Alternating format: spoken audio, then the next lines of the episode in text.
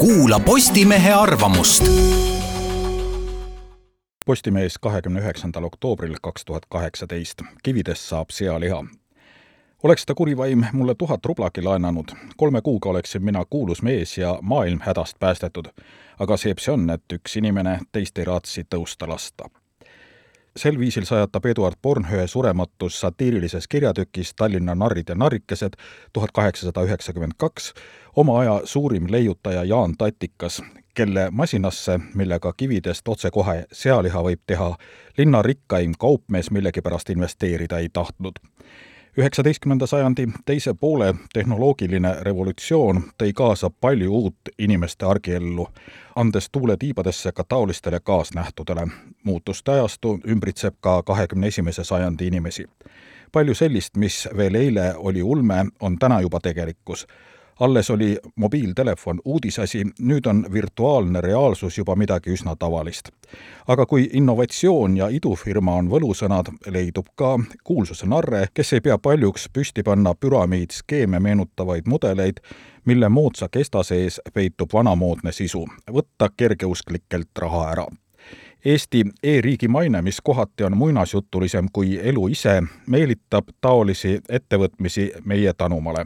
ühest küljest peegeldab see kuvandi õnnestunud kinnistumist, teisalt aga sisaldab ka suuremat riski saada petturite poolt ära kasutatud.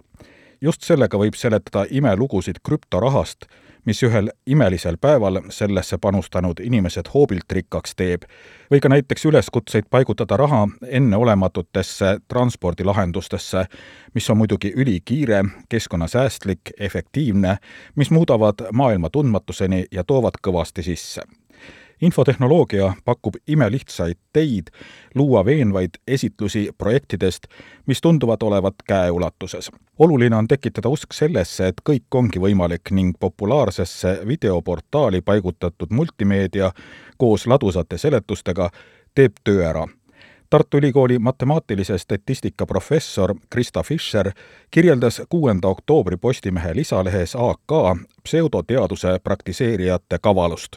selle asemel, et ette võtta mahukas andmekogumise ja analüüsitöö, mis aga ei pruugi ilma häkkimata soovitud tulemust anda, rõhuvad nad hoopis muule. emotsioonidest nõretavad videod Youtube'is, uskujate grupid Facebookis ja nii edasi riskiinvestorite edulood võivad ju panna hinge värisema, kuid enne oma säästude investeerimist võiks siiski mõelda, et kõik ei ole kuld, mis hiilgab.